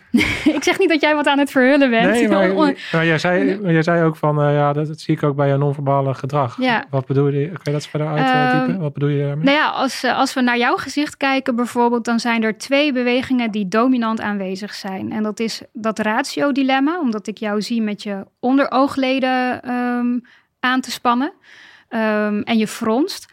Eh, en daarnaast is het zo, als jij bijvoorbeeld knippert, dan maak jij je knipper niet helemaal af. En dat heeft heel erg te maken met dat freeze-effect, namelijk dat je spiertonus eh, lager wordt, eh, waardoor je dus niet hard meer knipperen kan knipperen. Ehm, en wat zegt dat mij nou eigenlijk? Dat Ik, ga, ik ga nu heel overdreven zitten knippen. Ja. Dus, eh, heel hard. Nee, ik, kan het, ik, ben- ik ben niet aan het freezen. Nee, precies. En eh, ja, wat het Instituut voor Non-Verbale Strategieanalyse met de universiteit heeft gevonden, is dat ze dit soort bewegingen kunnen relateren aan jouw baseline. Dus dit is wat jij altijd laat zien als jij bepaalde spanning beleeft. En dat kan ook positieve spanning zijn. Hè? Bijvoorbeeld, ik ben hier mijn verhalen aan het vertellen of ik vind het leuk om iets over te dragen. Dan kan je dat ook laten zien. Maar ehm, die bewegingen, die heeft uh, uit onderzoek ook, um, daar is uitgebleken dat die te relateren zijn aan bepaalde persoonlijkheidseigenschappen of bepaalde interactiebehoeftes. En de mensen die jouw bewegingen laten zien, dat zijn mensen die in de eerste instantie heel veel behoefte hebben aan A, snap ik het? Um, uh, begrijp ik de inhoud of heb ik meer informatie nodig? Hè? Dus dat ratio-dilemma. Wat moet ik doen en moet ik meer informatie vergaren? Versus voelt het ook goed? Bijvoorbeeld in het contact tussen jou en mij. Ervaar je voldoende respect om in de interactie te blijven? En dan doe je ook nog af en toe je wenkbrauwen omhoog. Um, en dat is minder vaak dan al die andere bewegingen. Dus wat vertelt mij dat nou? Dat jij um, eerst moet zorgen voor jezelf dat je al die informatie op orde hebt en dat je er een goed gevoel over moet hebben. Uh, en pas daarna ben je in staat om op te schakelen en te gaan handelen. Dus ik weet precies wat ik van jou kan verwachten in de interactie en wanneer je spanning ervaart en wanneer je minder spanning ervaart. Oh, wow. Ja, dat, uh, ja, dat herken ik denk ik wel. Ja? Nou, denk ik, dat weet ik wel zeker.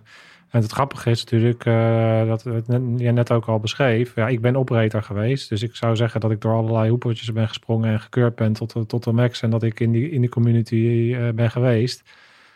Maar ik hoor jij dus ook zeggen dat ik uh, een hoge mate van ratio en begrip nodig heb. En ook bepaalde dingen van freeze laat zien. Wat dus de mythe zou kunnen ontkrachten nog verder dan dat je soort van, uh, ja, ik ben uh, dus, dus dat, die angst voor de freeze binnen de, ja. de community en de mensen die ja. in bepaald werkveld willen, uh, willen zitten, zou je dus in die zin kunnen loslaten. Zeg ik ja, dat goed? Absoluut.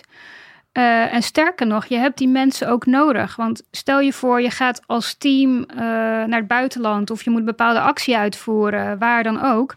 dat als je alleen maar mensen hebt die geneigd zijn om heel snel in die actie te komen, uh, dat het ook kan zijn dat je, dat je overmand wordt door informatie die je van tevoren niet hebt kunnen inschatten.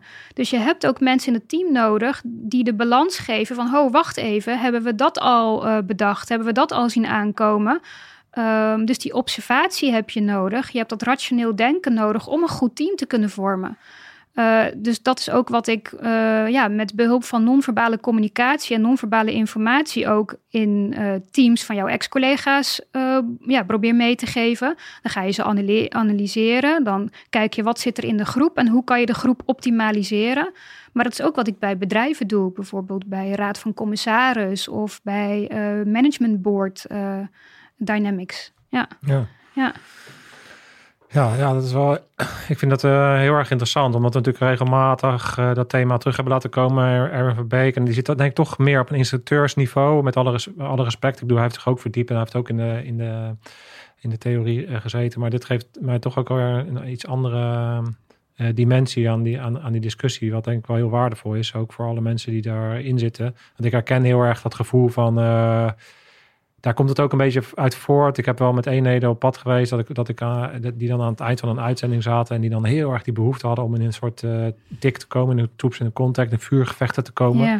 Omdat er heel erg hoog die behoefte is van hoe reageer ik nou dat, daar daadwerkelijk. En dat, dat, dat speelt heel erg binnen, binnen bij militairen van ja, bevries ik niet. Weet je, daar zit Ja. echt een soort, uh, eigenlijk een angst op, uh, op, Ja. op het uh, gevoel van bevriezen. Ja, ja, Dus ik denk dat het belangrijk is om daar je nog verder in te verdiepen en te kijken van hoe zit die dynamiek nou daadwerkelijk. Want ik herken heel erg dat in, ook in een, in een stresssituatie het rationaliseren, het op zoek gaan, het continu kijken wat, wat gebeurt, informatie tot je nemen. En dat is waarschijnlijk als je dan naar mij zit te kijken, ik zou gefilmd worden, dan zal dat er best wel een soort van ook een soort freezig uitzien. Kan ik me voorstellen. ja, ja, de combinatie van eh, flight en freeze. Hè? Dus eh, flight zegt dat rationaliseren. Heb ik alle informatie waardoor ik een beslissing kan nemen. Ja. Eh, kan je die beslissing niet nemen, dan kom je in een soort van denkloop terecht. En freeze helpt je dan om even weer die afstand te nemen. Oké, ik moet even gaan observeren. Eh, even mezelf tot bedaren laten komen, mezelf terugtrekken. En dan kan het zijn dat je toch weer in de situatie terechtkomt dat je ook weer op kan schakelen. Ja. Dus als je weet wat je in een bepaalde situatie doet en dat ook communiceert met je collega's, kan het zijn dat je collega's je ook nog beter kunnen ondersteunen, beter kunnen helpen in een bepaalde situatie. Uh, ja, en het, uh, het geeft een soort van high performance uh, dynamiek aan het hele team. Als je op die manier gaat communiceren met elkaar. Ja, ja maar dat geeft wel. Dan moet je zo'n enorme veiligheid hebben. Ja. In, in een team. Ja. Als je op dat niveau wil, wil, wil komen, dan moet je zo enorm ja, ik, vind dat een kutwoord, maar dan moet je eigenlijk zo kwetsbaar kunnen zijn in dat Ja. geheel. Maar dat is, het, is, het is zo ontwapenend als je eigenlijk zo in je ziel bijna laat Ja. kijken en zo in je systeem laat Ja. kijken en je zo open kan zijn.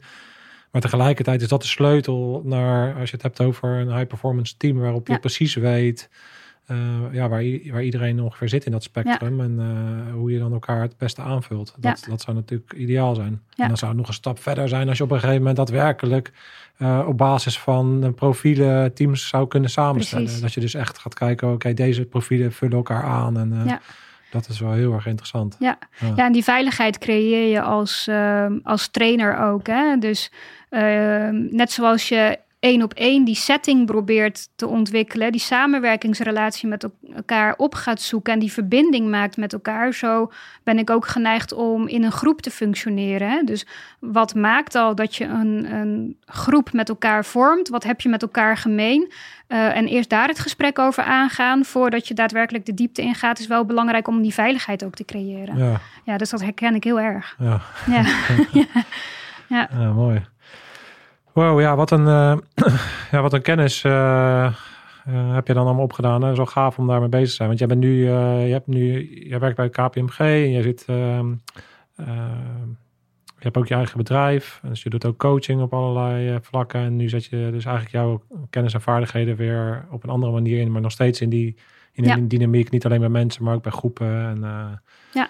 Gaaf. Ja, ja, een mooie combinatie. Dat, je, eh, dat ik in staat ben om vanuit mijn eigen adviesbureau eh, ehm, sowieso directeuren, ehm, eh, managementteams kan trainen in wat is hun eigen impact en wat heeft dat voor impact op hun medewerkers. Om risico's te kunnen inschatten, maar ook om ze weg te nemen. Eh, en aan de andere kant bij KPMG bezig te zijn met: oké, hoe zit het dan in grotere bedrijven als je het hebt over integriteit en compliance issues? En hoe kan je iemand helpen om op zoek te gaan naar A, wat gaat er al wel goed? En hoe kan je dat gebruiken om de risico's vervolgens weer te gaan mitigeren?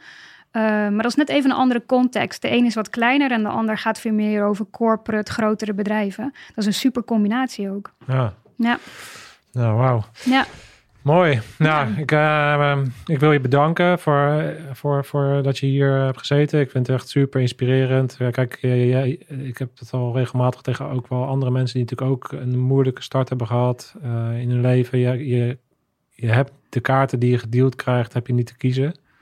Maar ik heb heel veel bewondering voor het feit hoe jij daarmee bent op, omgegaan en hoe je uiteindelijk nu uh, ja, na een lange, lange weg op deze manier impact kan maken door bij andere mensen daarmee bezig te gaan. En uh, ja, dat uh, vind ik echt heel bijzonder. Dus ik hoop dat het ook inspirerend is uh, voor, voor andere mensen die wellicht ook in een andere situatie in hun leven zitten, of misschien nog aan het begin staan en ook dingen ervaren waarbij het moeilijk is. En, Mhm. en zien van ja, als je deze dingen doet en dan is er, is, is er ja, dan is er, is er hoop, ook al, ook al ben je zo, ja. zo lastig gestart. Ja. Hoe, uh,